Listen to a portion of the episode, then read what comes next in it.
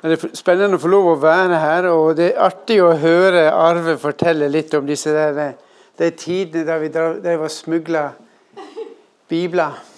Eh, det er mange historier som eh, vi har fra den tida der. Og Kurt Westman, som må være leder for Åpne dører, han ble jo fryktelig sjuk på en av disse turene. Vi hadde en sånn såkalt eh, S-tur, som vi kalte det, der vi hadde laga en en trailer som tok 2000 bibler. 2000 bibler, det skulle vi eh, Vi møtte den traileren inn i, inn i Romania. Det var der vi gjorde mesteparten av det. Og 2000 bibler, det er Folkong buss er det bibler helt opp til vinduet.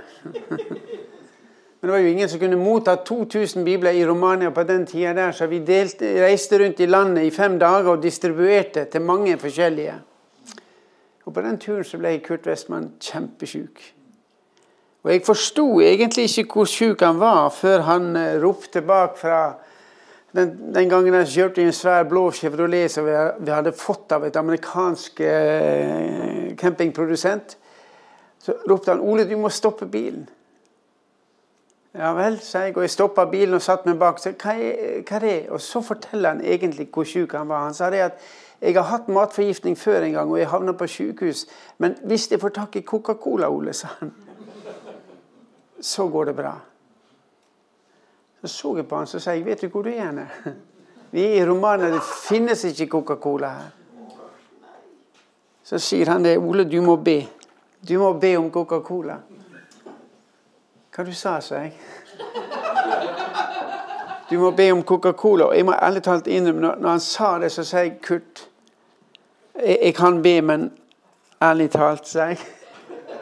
jeg tror, vi er langt oppe i Karpatene. Jeg tror ikke vi får det, sa jeg. Ja, men Ole, du må be. Gud er mektig, sier han. Og jeg, ja.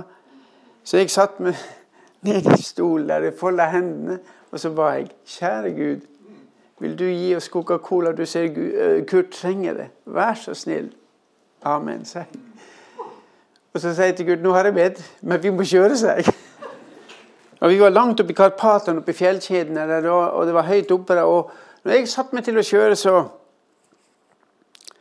så var det på ei lang slette så ser jeg da en sånn trailer som kommer mot oss. Den var en blå trailer, nei, en sånn hvit og, og, og rød trailer. Jeg sa dette er jo Kår. Dette, dette er jo vår trailer. Så jeg ser han kommer mot meg, han kjenner meg òg, så vi stopper jo begge to. Og jeg springer ut av bilen og sier 'Hva gjør du her, Kår?' Og han var rasende. For han, og han forteller at veien var stoppa, sperra lenger nede, så nå hadde de sendt han i en omvei opp i fjellet med den svære traileren. Og han sa at det kosta meg seks-syv timer ekstra å kjøre rundt her. Og jeg har dårlig tid i utgangspunktet. Og når han drev og lefla ut av seg det sinnet og frustrasjonen som han hadde, så kommer jeg på Coca-Cola så sier jeg, 'Kår, har du Coca-Cola?' sier jeg.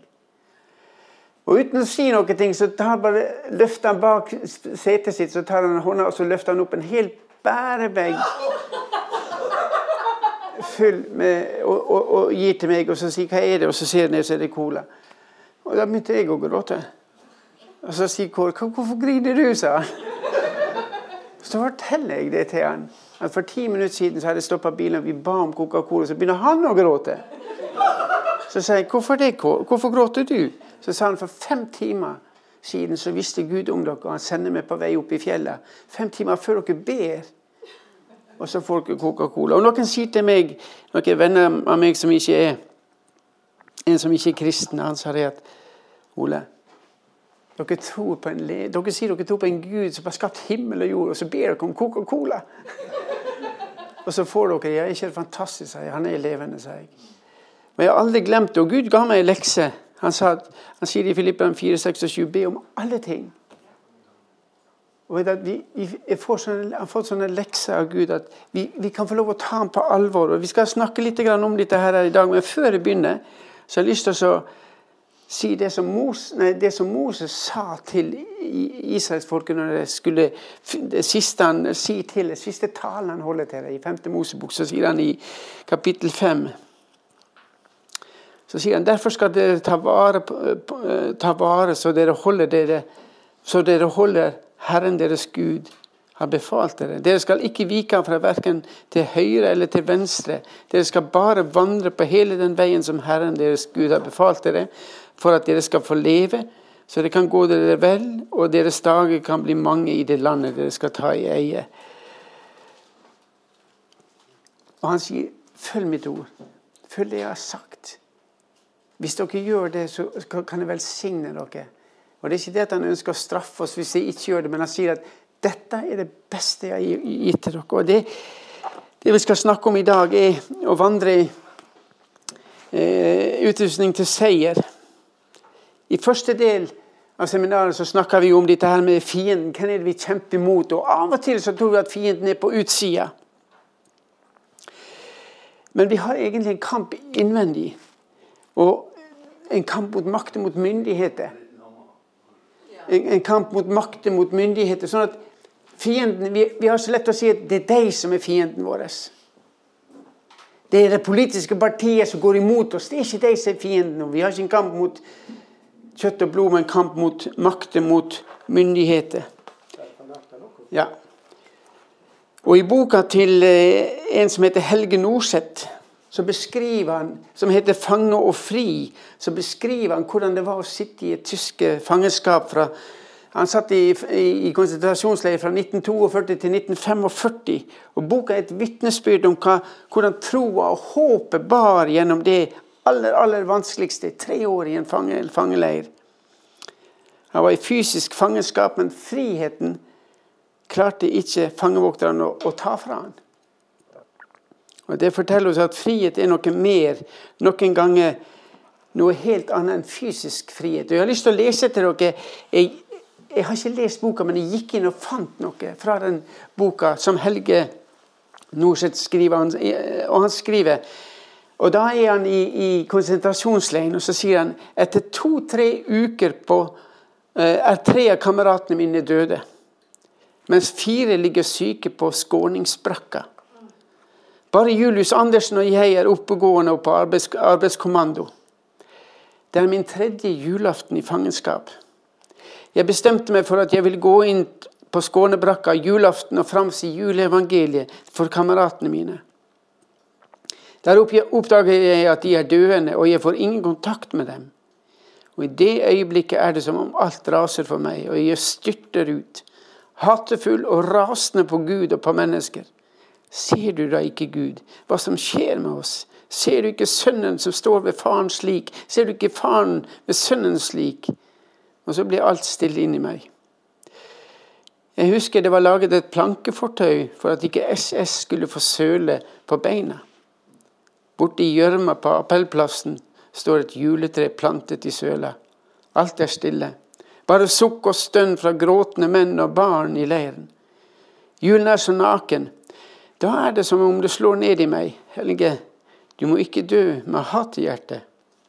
I samme øyeblikket er det som om julens evangelium begynner å tone inn i meg og fyller med en varme. Jeg blir stille. Det er som jeg aner tonene fra himmelen. Eder er i dag en frelser født. Dette ble vendepunktet for meg, en seier. Jeg kjenner meg fri, selv om jeg er fange. Men denne friheten jeg nå føler, er likevel ingen som kan ta fra meg. Jeg føler at jeg i dette øyeblikket får hjelp til å leve, til å dø, verdig som et menneske uten hat og uten hevntanker.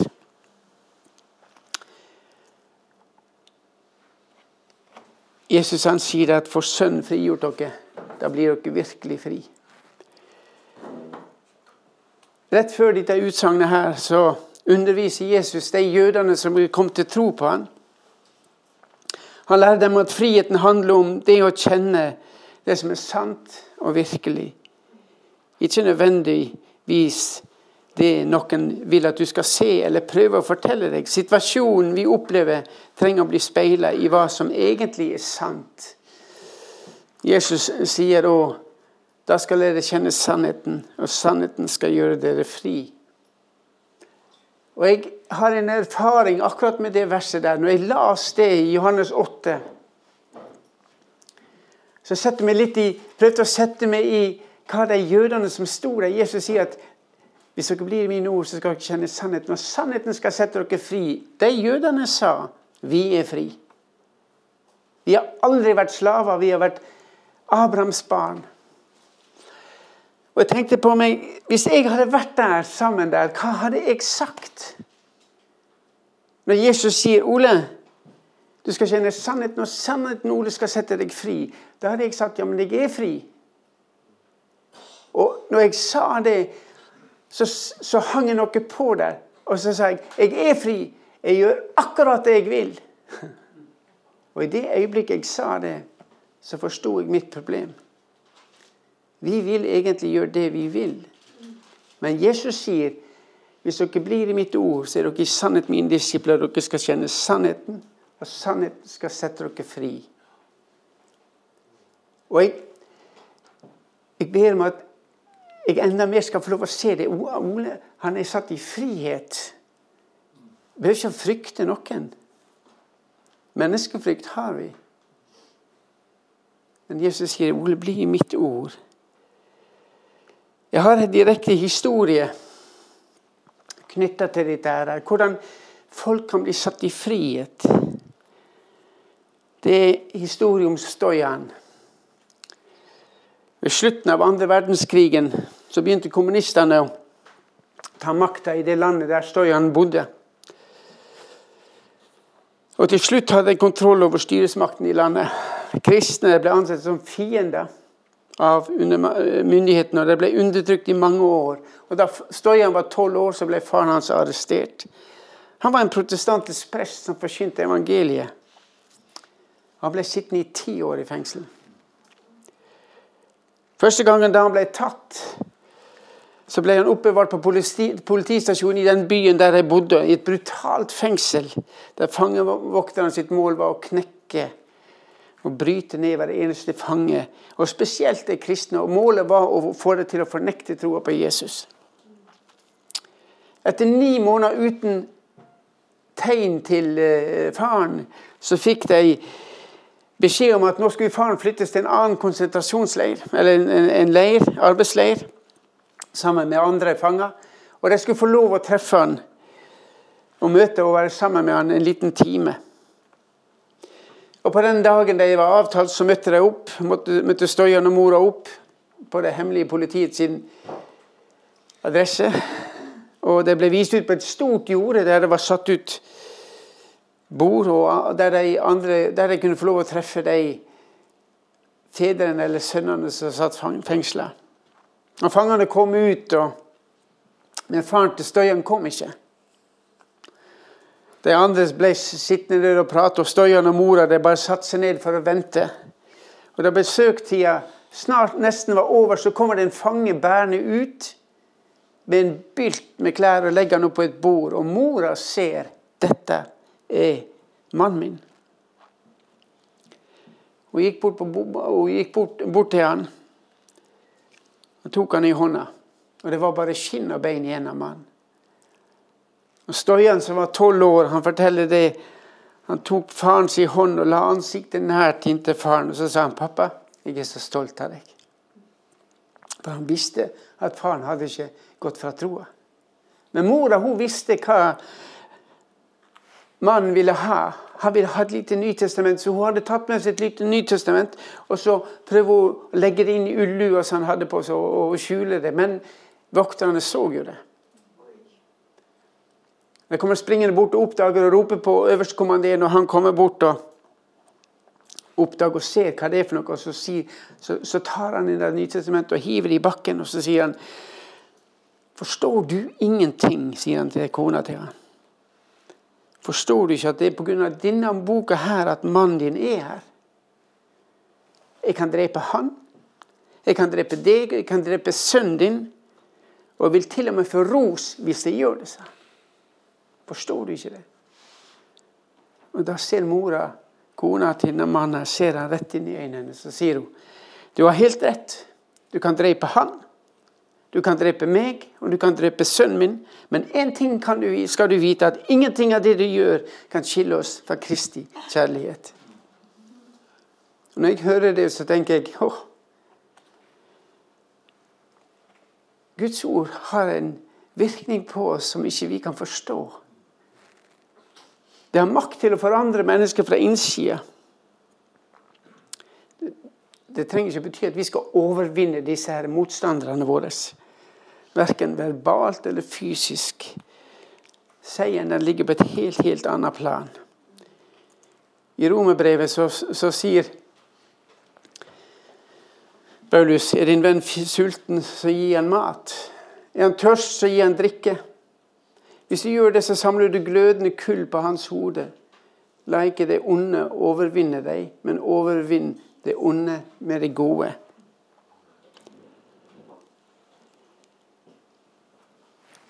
Og Jeg har lyst til å Historien til Stoyan den finner du i denne boka. her. Jeg har tatt med meg denne boka her, 'Guds galskap'. Og lagt, dere kan få lov å kjøpe den i dag.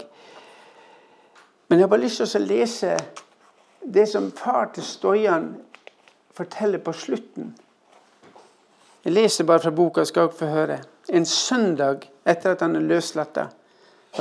Når de skulle løslate han, så tok de han Han visste ikke det sjøl. Tar han ut og binder til en stolpe. Og så sier de hvis ikke du nå fornekter troa di, så skyter vi deg. Går på denne mannen, reiser seg opp og så sier han, da får dere skyte meg, for jeg kommer aldri til å fornekte troa. Men de hadde ikke fått ordre å, å skyte han, de hadde fått ordre om å sette han fri. Og Det var jo rasende at de ikke, at de, For de ville ha han til å fornekte troa, men han gjorde ikke det. Så ble han bare kasta ut av fengselet. Men han sto fast helt til det siste. Og så sier han en dag, noen måneder senere, kom en eldre kvinne for å be pastor, pastoren, altså faren, om hjelp. Han kjente henne ikke fra før.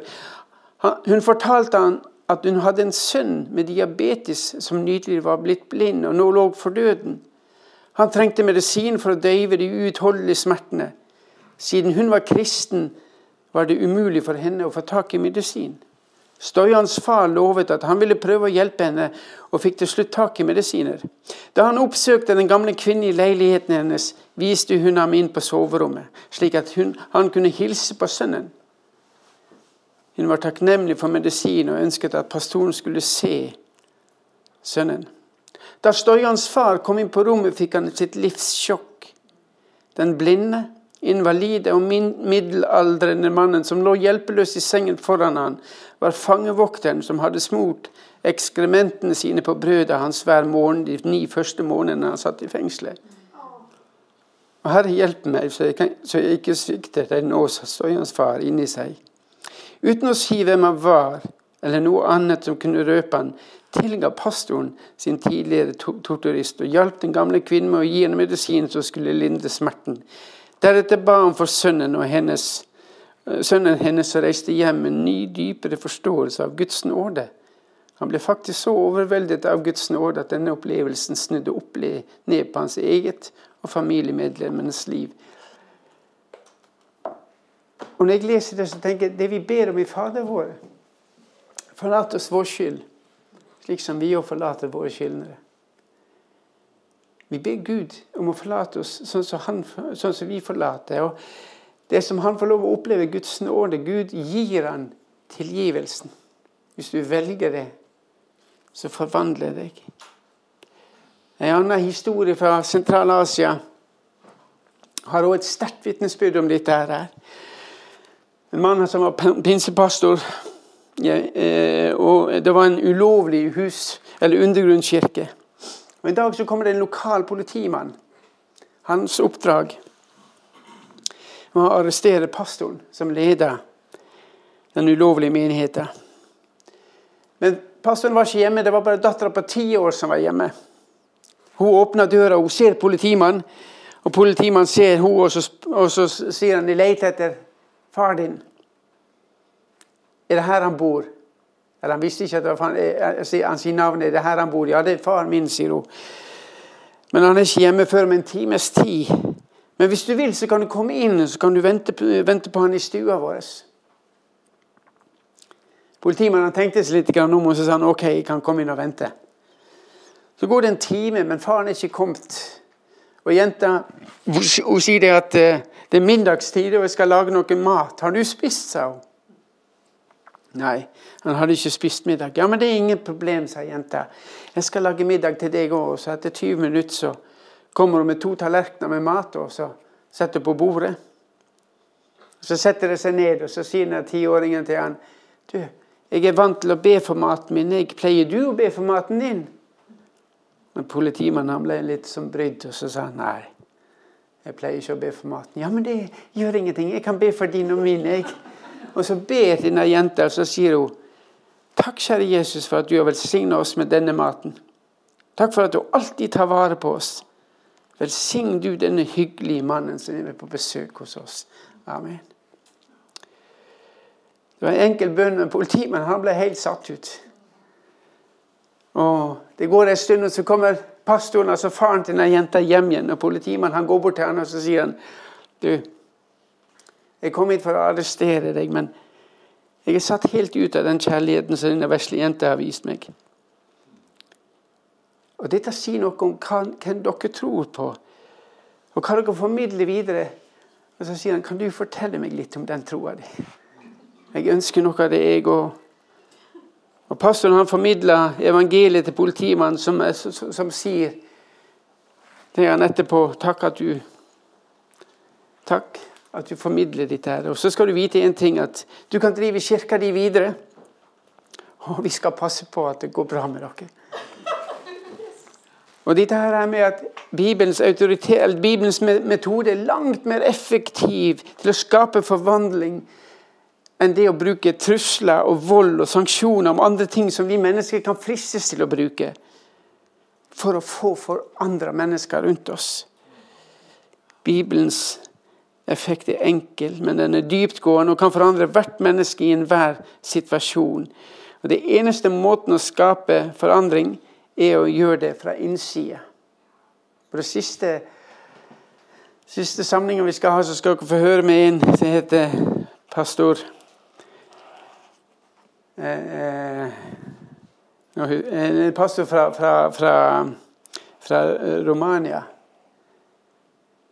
Og han sier hans, hans, Han sa det at den beste måten å forandre våre fiender på, er å elske dem til, til det blir våre venner. Jeg skal, jeg skal ta og vise dere filmen filmen om, om uh, Trond Kjartan når han underviser om dette. her. Tema for eh, denne delen av undervisningen er utrustning til seier. Noen av Egypts kirkeledere ble for noen år tilbake spurt av en vestlig journalist om hva som var deres strategi for å kreve kristnes rettferdighet i et muslimsk diskriminerende samfunn. Svaret deres var vår strategi er ikke å kreve våre rettigheter. Det vil bare føre til mer strid og i ytterste konsekvens eh, borgerkrig i dette landet. Nei, vår strategi er å lære våre barn å leve så nært Jesus og bli så rotfesta i troen på Han at de er i stand til å møte de utfordringene samfunnet rundt dem gir dem som kristne, og samtidig at de blir bevart i troen. Så Våre egyptiske kirkeledere bekrefter dermed at kampen ikke først og fremst er på utsiden, men på innsiden. I 1. Samuels bok, kapittel 17, kan vi lese en av Bibelens mest kjente historier. Kampen mellom David og Goliat. Dramaet utspant seg i Terebintedalen, og der sto denne tre meter høye kjempen Goliat og ropte trusler mot Guds folk og hånte deres Gud. Send en mann til meg og kjempe mot meg, brølte han. Hvis jeg vinner, skal dere tjene oss, og hvis han vinner, skal vi være slavene deres. Og Hvis ikke den fysiske fremtoningen av Goliat var skremmende nok, så var i hvert fall utfordringen skremmende. For det ville være en alt eller ingenting-kamp om israelsfolkets fremtid. Kampen ville være en endelig avgjørelse mellom kjempens fremmede guder og Israels gud. Israelshæren under ledelse av kong Saul, gjorde seg hver dag i 40 dager klare til kamp.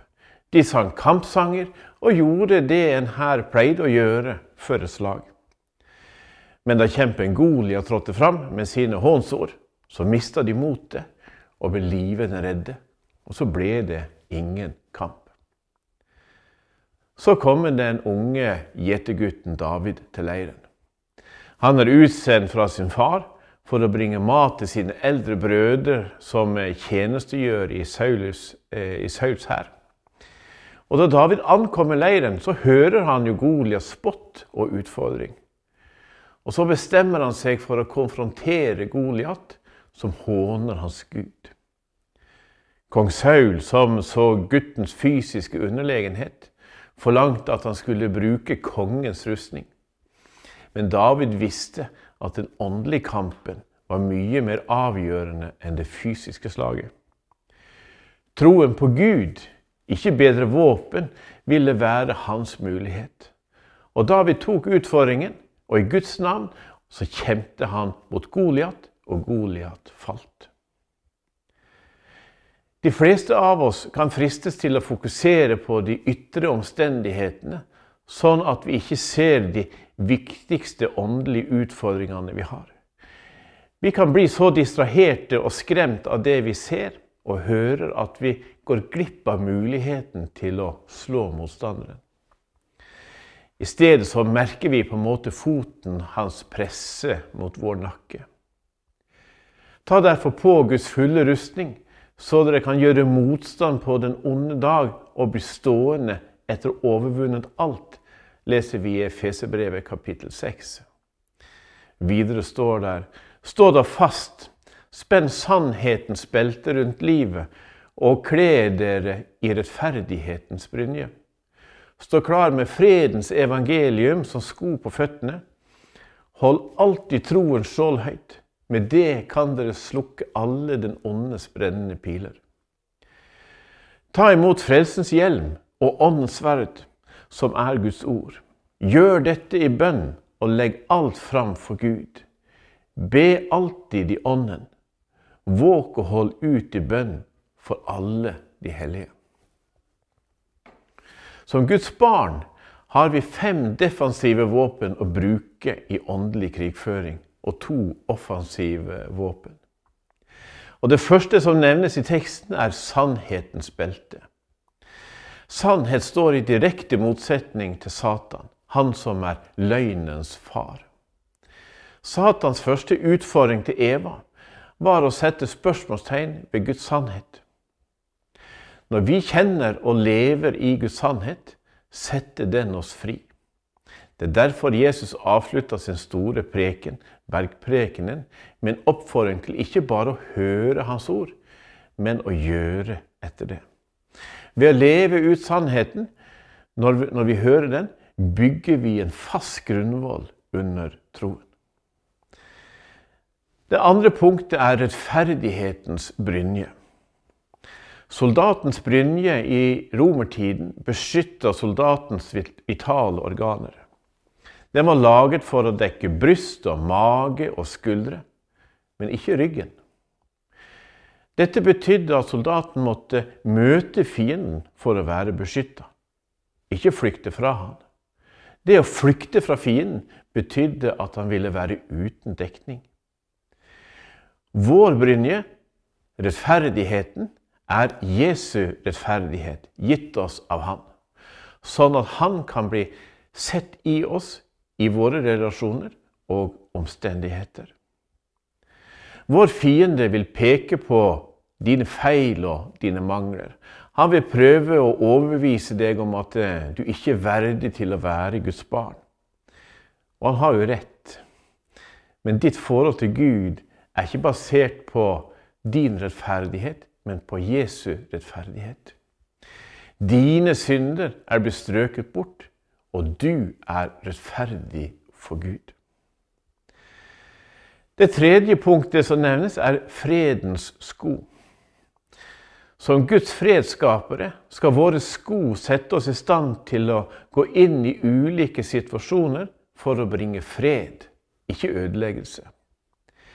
Kristus kaller folk som har fått fred med Gud, til å slåss for fellesskap, ikke imot det.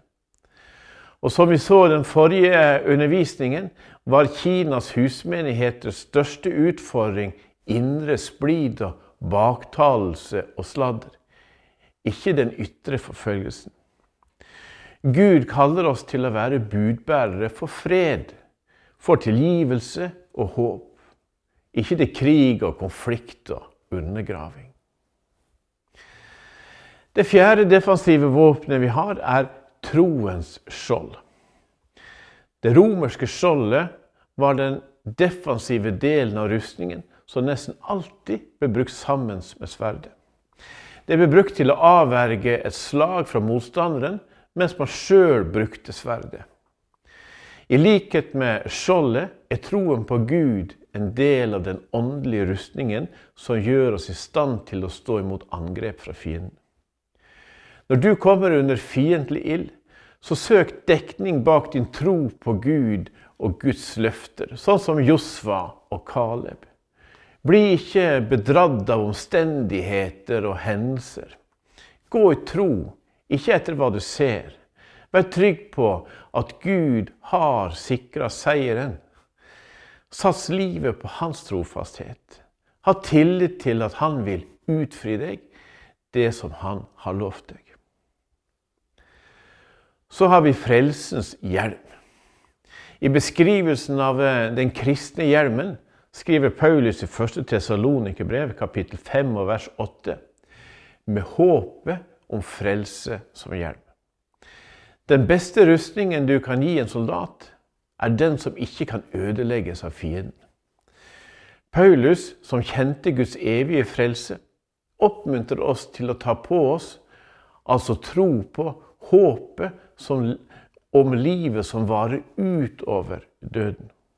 Soldater uten frykt for døden er en mektig hær. Gud gir oss også hjelmen for å beskytte sinnet vårt. Når fienden prøver å infiltrere tankene våre med tvil eh, om frelsen vår, ja, da blir hjelmen vår beskyttelse. Så Gud har altså gitt oss fem defensive våpen å bruke. Og så har han gitt oss to offensive våpen. Åndens sverd, som både er et offensivt og et defensivt våpen. Bibelen er Guds ord til oss. Bli godt kjent med Bibelen, for den er kilden til sannhet, til visshet og trøst. Ta lærdom ifra den. Lær å bruke den å, sånn at den kan tale til, til hjertet ditt. Bruk den til å skjære gjennom fiendens løgner og bedrag, og til å proklamere sannheten.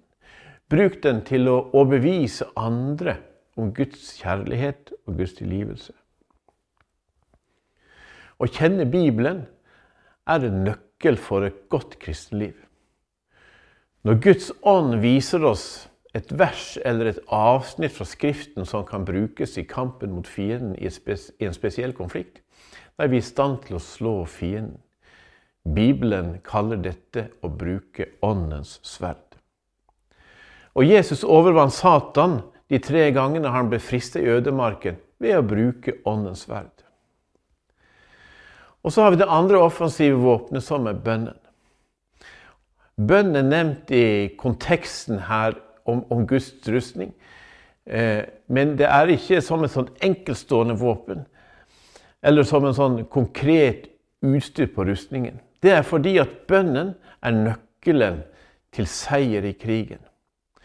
Bønn er derfor en av de viktigste tingene vi kan gjøre når vi kjemper mot fienden. Davids kamp mot Goliat ble ikke vunnet da steinen forlot slyngen. Nei, den ble vunnet i Davids nære fellesskap med den levende Gud. Våre slag tapes eller vinnes etter hvor nært vi vandrer med Gud. Bønn er å snakke med Gud, og la Han snakke med deg. Bønn er å stå opp mot mørkets krefter som påvirker hendelser og omstendigheter i verden. Bønn er å bekrefte Guds seier før vi går i kampen. Men bønn er mer enn å knele for Gud. Det er like mye en holdning som det er en handling. Bønn er å holde hjertet åpent for hans lederskap. Bønn er det kontinuerlige fellesskap med Gud som vi trenger for å møte utfordringen det innebærer og skulle fullføre Jesu oppdrag. Når jeg hører på dette her, og det vi, det vi deler her, så tenker jeg dette er så enkelt og samtidig så vanskelig. Det er akkurat som om det er back to the basic. Og egentlig handler det om ditt og mitt forhold til Jesus Kristus. Det er så lett å se på alle andre ting.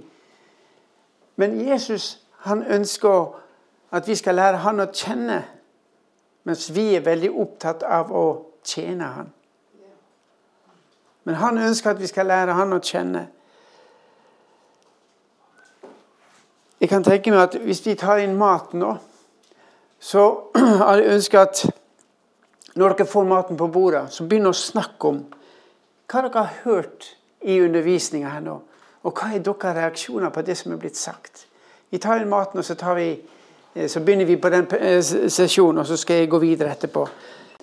Men samtaler rundt det dere har hørt nå, og det som jeg sa, sa i stad, når jeg sitter og hø hører på det, det er jo så enkelt, men så vanskelig.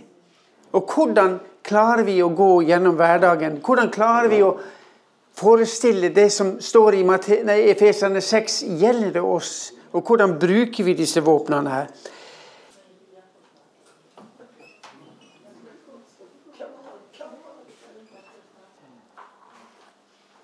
Noen egyptiske ledere det ble spurt av en vestlig journalist om hva det var som var deres strategi som kristne ledere for å kreve bedre rettferdighet for de kristne i landet. For å kreve bedre rettferdighet. En journalist som var nede sammen med oss, satt og hørte på hvordan de kristne var blitt behandla i en menighet. og Hun ble så sint at hun slo hånda i bordet. Og så ser hun på disse her som har fortalt det de gjorde, så sier hun Når skal dere begynne å kreve rettferdighet i dette landet her? Og da sier de det. Vår strategi er ikke å kreve rettferdighet. Det vil føre til strid, og i ytterste kveld så vil det bli borgerkrig i dette landet. her. For vi er tross alt 16 millioner kristne her. Vår strategi er å lære barna våre å leve nært Jesus. Og bli så rotfesta i troa på Han at de er i stand til å møte utfordringene i samfunnet rundt dem, og samtidig bli bevart i troa. Hvordan reagerer dere når dere hører dette? her? Hva er din reaksjon? Med de utfordringene som vi har i landet. Og jeg stiller spørsmål Hvordan reagerer dere når Trettebergstuen står frem som kulturminister og sier det hun gjør? Hvordan reagerer dere? Vi har ikke en kamp mot kjøtt og blod, men i forhold til det egypterne sier Få høre litt reaksjoner. Ta, ta Snakk litt rundt om akkurat dette her. Det å, vi krever ikke rettferdighet, men vi legger strategi. Vi ønsker å lære barna våre opp. Vi ønsker å la dem få lov å si det sånn som den 15 år gamle gutten sier. Jeg er ikke redd, for jeg har korset på hånda mi. Korset er livet mitt. Jeg kan ikke leve uten det. Måtte jeg aldri skryte av noe annet enn Jesus Kristi kors. Korset på hånda mi viser, at alle, viser alle at jeg er kristen og jeg er stolt av troa mi. 15-åring. Og Det vi også så i Egypt, de spurte hvorfor lærer dere barna deres. Jo, fordi at alle barna her i Egypt har korset på hånda si. De er ortodokse. De har korset, og de må betale en pris for de har korset. Men de vet ikke hvorfor de må betale en pris, for de kjenner ikke Jesus. Han. Og så har jeg begynt å undervise disse barna. Den 15-åringen som står frem sånn, så han vet at jeg betaler en pris, men vet hvorfor. Og jeg, for jeg har troa på Jesus, og han hjelper meg. En annen kristen leder i Egypt har sagt følgende at selvfølgelig vil vi ha religionsundervisninga ut av skolen.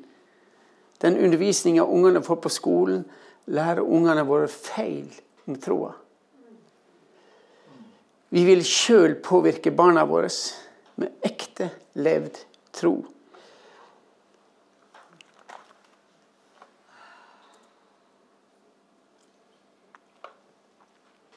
Hvem har størst påvirkninger for kristen tro? Til ungene våre, barna der vi bor, barnebarna våre, vennene våre og naboene våre.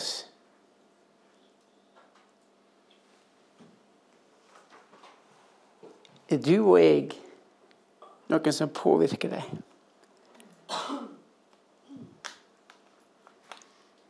Og Jeg vil at vi skal snakke litt mer om dette her Guds fulle rustning. Bruker vi den? Bruker vi den Guds fulle rustning? Hvordan kan vi i praksis forsikre oss om at vi bruker Guds fulle rustning? Hvordan kan vi praktisere det? Og Det er så enkelt når det står der. Men bare det å lese Bibelen, ikke sant? Det står at vi skal holde oss til Guds ord. Vi, Paulus, nei, Moses han sier ta, ta, og lim Guds ord som lapper på panna deres. Jeg ser det som, som, som, som stickers på panna med Guds ord.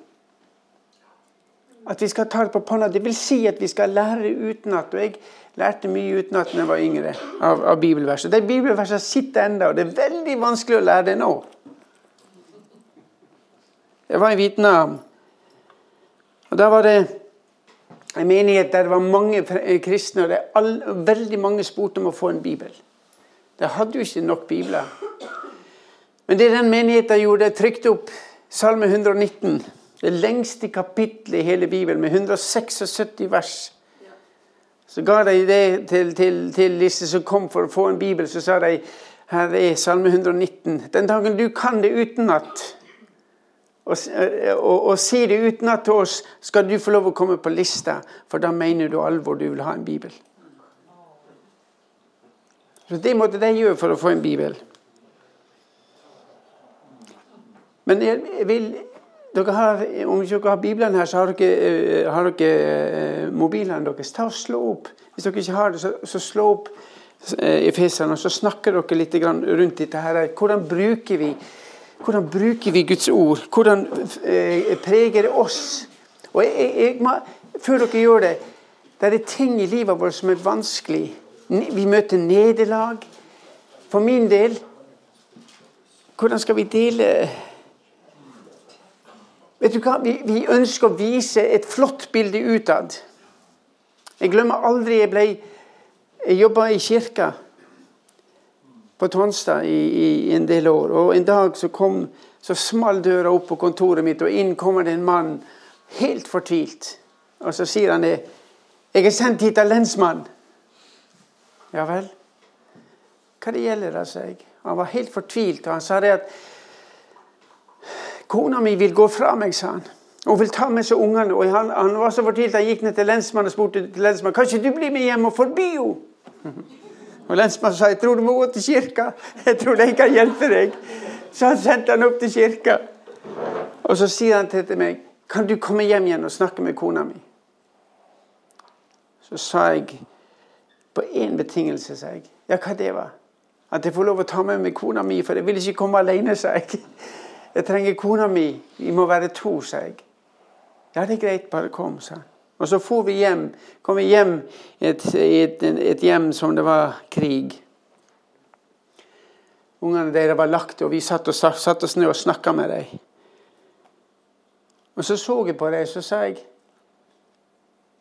Vi og kona mi og jeg, vi har òg hatt problemer i ekteskapet vårt. Og så delte vi noen ting. Så ble det helt stilt. Så så han på oss, han ektemannen.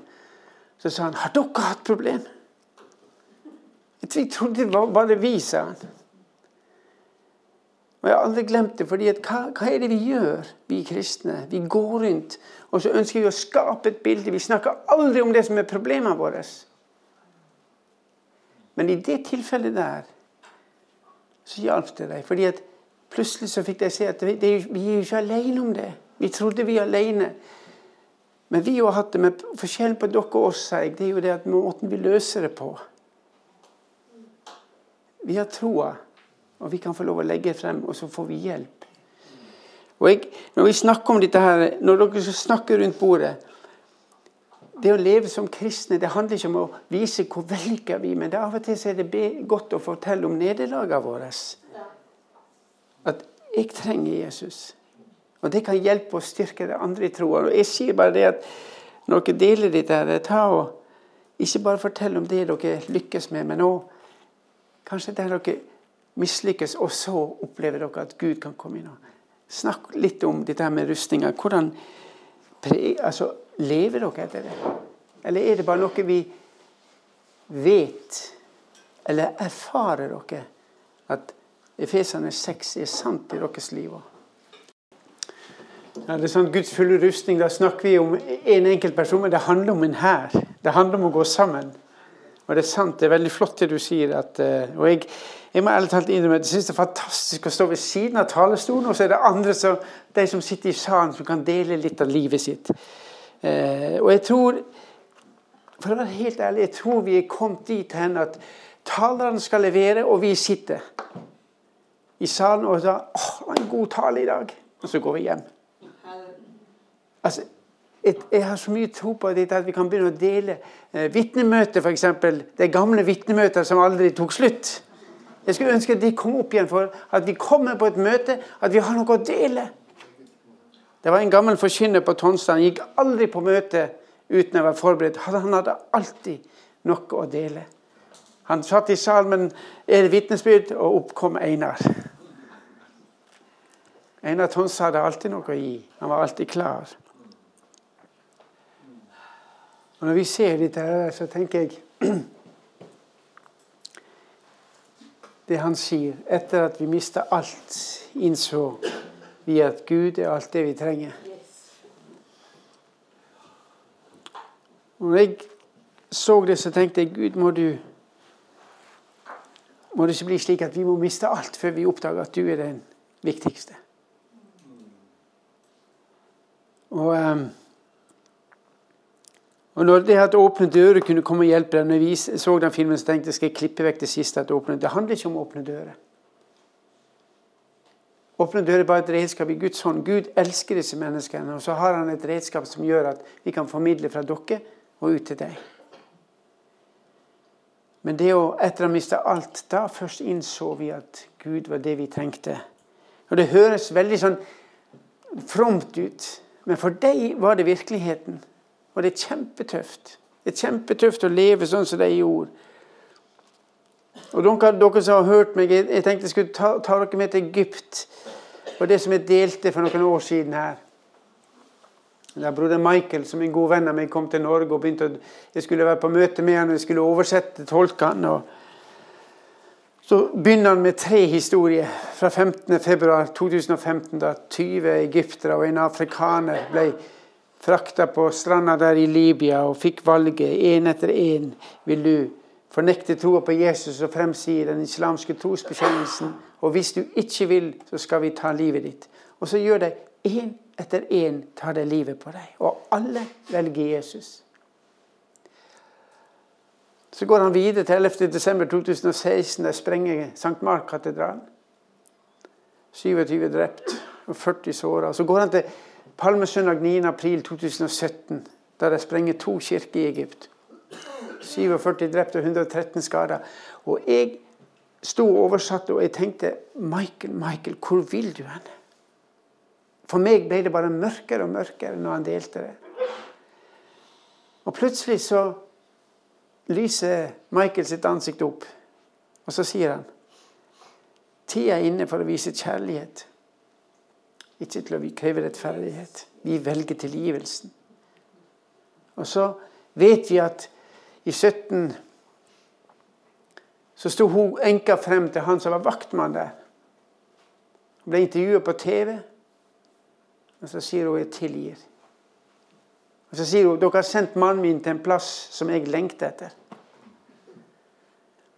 Men dere vet ikke hvorfor, hva dere gjør, men vi tilgir dere. Og så Historien er som Palmesøndag 2017 så skjedde det. I løpet av den uka som kommer, så velger jeg tilgivelsen.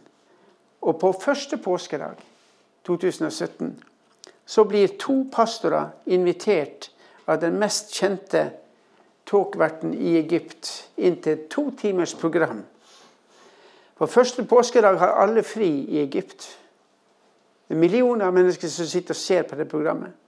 Og På de to timene så får de tre spørsmål. Hvem er Jesus Kristus? Hvorfor døde Jesus Kristus på korset? Og hva betyr det for oss? Og I to timer for disse pastorene her, pastor Samer fra eh, Kasser Eldobara-kirka og lederen for, for de koptiske, sitte og fortelle om Jesus. Og Så sier de kristne hvis vi hadde betalt 10 millioner dollar, så hadde vi aldri fått kjøpe to timer på Statskanalen for å forkynne evangeliet. Aldri. Og når jeg hørte det, han fortalte det, så kom jeg på Johannes 3, åpenbaring 3,8. Det som vi bruker mye. Se, jeg har satt foran deg ei åpna dør. Det er det løftet Gud ga til broder Andreas. Og det snakker vi mye om, men den siste delen, der står det For du har liten kraft, og du har holdt fast med mitt ord og ikke fornekta mitt navn. Når Gud finner menighet eller personer som vil holde fast på Jesus Du har liten kraft, men du vil ikke fornekte hans, nei, holde fast med hans ord og ikke fornekte hans navn. Hvis Gud finner menneske eller menighet som er slik, som tar det valget, så kan han åpne dører som er helt uante. Egypterne hadde ikke forventa at det skulle skje. Men de valgte å stå på Matteus 5, 44. Ikke sant? De velger tilgivelsen fremfor forbannelsen.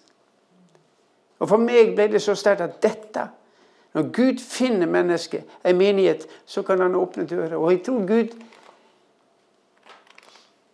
ønsker at vi i Norge, vi som kristne, vi som menigheter, skal få lov å velge det. Vi velger å stå på ditt ord, uansett Gud. Og så har vi hørt om eh, broder Andreas. Nei, vi har hørt om David i dag. Og jeg må ærlig talt innrømme, når jeg tenker på David, så tenker jeg hva er forskjellen på han David, som var kong David, og han Ole Lilleheim? Ikke sant? Vi tenker av og til at David han måtte ha en kjempesterk tro, men i, i Efeserne 2,8 så står det for av nåde er dere frelst ved tro, og det er ikke av dere sjøl, men det er Guds gave. Så tenker vi av og til at det er nåden som er Guds gave. Nei, det er troa. For nåde er du frelst ved tro, og det er ikke av deg sjøl. Troa er ikke av deg sjøl, det er en gave. Så ergo, han Ole Lillemann, kong David fikk det samme mål av tro. Det er ingen som har fått mindre tro. Men hva er da forskjellen på han David? Kong David, eller den David gjetergutten og han Ole Lilleheim. da. Han var ikke gamle gutten. Men det som var forskjell, var det at han, han står der i Terrebintedalen Og han står foran kong Saul, så sier han til deg dere må ikke være redd. Ikke mist motet pga. han. Jeg skal gå imot dine kjempen og kjempe mot han en guttunge på 14-15 år. Og så sier han Herren, frid, Herren, som fridde meg ut fra løvens og bjørnens grep, han skal fri meg ut fra denne filisterens hånd. Da sa Saul til David, gå, i, gå, og Herren skal være med deg. Det var bare i kraft. Han visste han hadde bedt Gud når bjørnen kom mot. Han hadde bedt når løvene kom mot ham, og han gikk mot dem i Guds navn. Og hjalp Gud da, så vil han hjelpe nå. Og forskjell på David og Ole Lilleheim, og kanskje flere av oss som sitter her, det er erfaringer. David hadde erfart. Og dere, Når folk kommer til meg og så sier at alle disse historiene du forteller, Ole, det er fantastisk. ja, men det er erfaringer som jeg har. Og jeg, jeg gikk en gang på, på Karl Johan. Da jeg var 17 år, gikk på bibelskole. og så gikk det, Jeg har sikkert sagt det til noen av dere før. Så gikk det forbi et, et, et, et, et fjernsynsteam som de stakk mikrofon opp i ansiktet på folk. Og jeg tenkte Hva hadde jeg sagt hvis de hadde stoppa meg og spurt er du kristen? Ja. Hvorfor er du kristen? Hvorfor er jeg kristen? Og jeg tenkte som, ja, jeg kunne bare slengt ut jo, eh, Johannes 3, 16. Ikke sant? Derfor har Gud eh, elska verden slik at han sendte sin sønn for at verden som tror på han. Men det er ikke derfor jeg var kristen. Jeg begynte å lure på hva ville jeg ha svart Hva ville jeg ha svart til deg hvis jeg fikk spørsmålet? Og jeg gikk i tre måneder jeg, før jeg fant svaret på. Og, og, det jeg kom frem til Og det er så moro, fordi når jeg spør andre, så svarer mange det samme. Jeg har erfart at dette er sant. Dette kan jeg få lov å bygge livet mitt på. Jeg kan få lov Det Gud har sagt, han holder det. Og Det som står i Efesene Jeg syns det var så fantastisk det du sa, du unge dame som kom opp her. Det er så sant, det du sier her. At sannheten er den som Det er det som holder, hele, det som holder oss sammen. Sannheten. Og jeg vil avslutte med det som står i Kirka bruker, Prestene bruker ikke det lenger, men før, når de skulle lese evangeliet, så las de fra Johannes 17, 17. Hellige oss i sannheten. Ditt ord er sannhet. Jeg takker deg, Herre Far, for at du har gitt oss ditt ord. Takk for at det er sant. Du kan ikke annet enn å holde ditt ord. Og Jesus, vi ber, vil du komme med din Hellige Ånd og skape nød i vårt hjerte. Jeg ønsker å lære deg mer å kjenne, Herre Far. Og Gud, du hadde en plan med ditt folk i Israel. Da du tok deg ut av Egypt. Du ville at ditt folk skulle være et folk som fulgte deg. Og Det skulle være et folk som viste din barmhjertighet og din nåde. Et folk som ville følge deg, og hvordan du fikk velsigne deg, og hvordan de var velsigna, ikke bare for seg sjøl, men også for landa rundt Jesus. Men så valgte de ikke å følge ditt ord, og så er israelsfolket blitt et folk som viser din dom. Herre Far, la oss som kristne her i Norge, og vi som sitter her, la oss få lov å bli et folk som viser din nåde ut til deg vi kjenner. Gud, vil du forvandle mitt liv daglig. Takk for at vi kan få møte endetida. At vi kan få lov å gå inn i dagen og si at jeg lever i dag, og Gud har sagt han vil gå med meg i dag. Og så får det komme det som komme vil, for du har en plan, Gud, med oss. Og Vi takker og vi priser deg for din nåde, for den friheten du har gitt oss i Norge. Og vi ber, far, vil du gi meg frimodighet til å tørre å stå når jeg blir konfrontert med hvorfor tror jeg på deg. Og la du oss være frimodige vitner. Og så ber vi fyll oss med Den hellige ånd, slik at vi får visdom til å kunne gi svar når vi av og til føler at vi står fast. Takk, Gud, for din nåde. Velsign du hver enkelt av oss som er her. Kan dere reise dere opp, så skal jeg ta og lyse velsignelsen over dere. Herren velsigne dere og bevare dere. Herren la sitt ansikt lyse over dere og være dere nådig. Herren løfter sitt ansikt på dere og gir dere fred. I Jesu navn. Amen.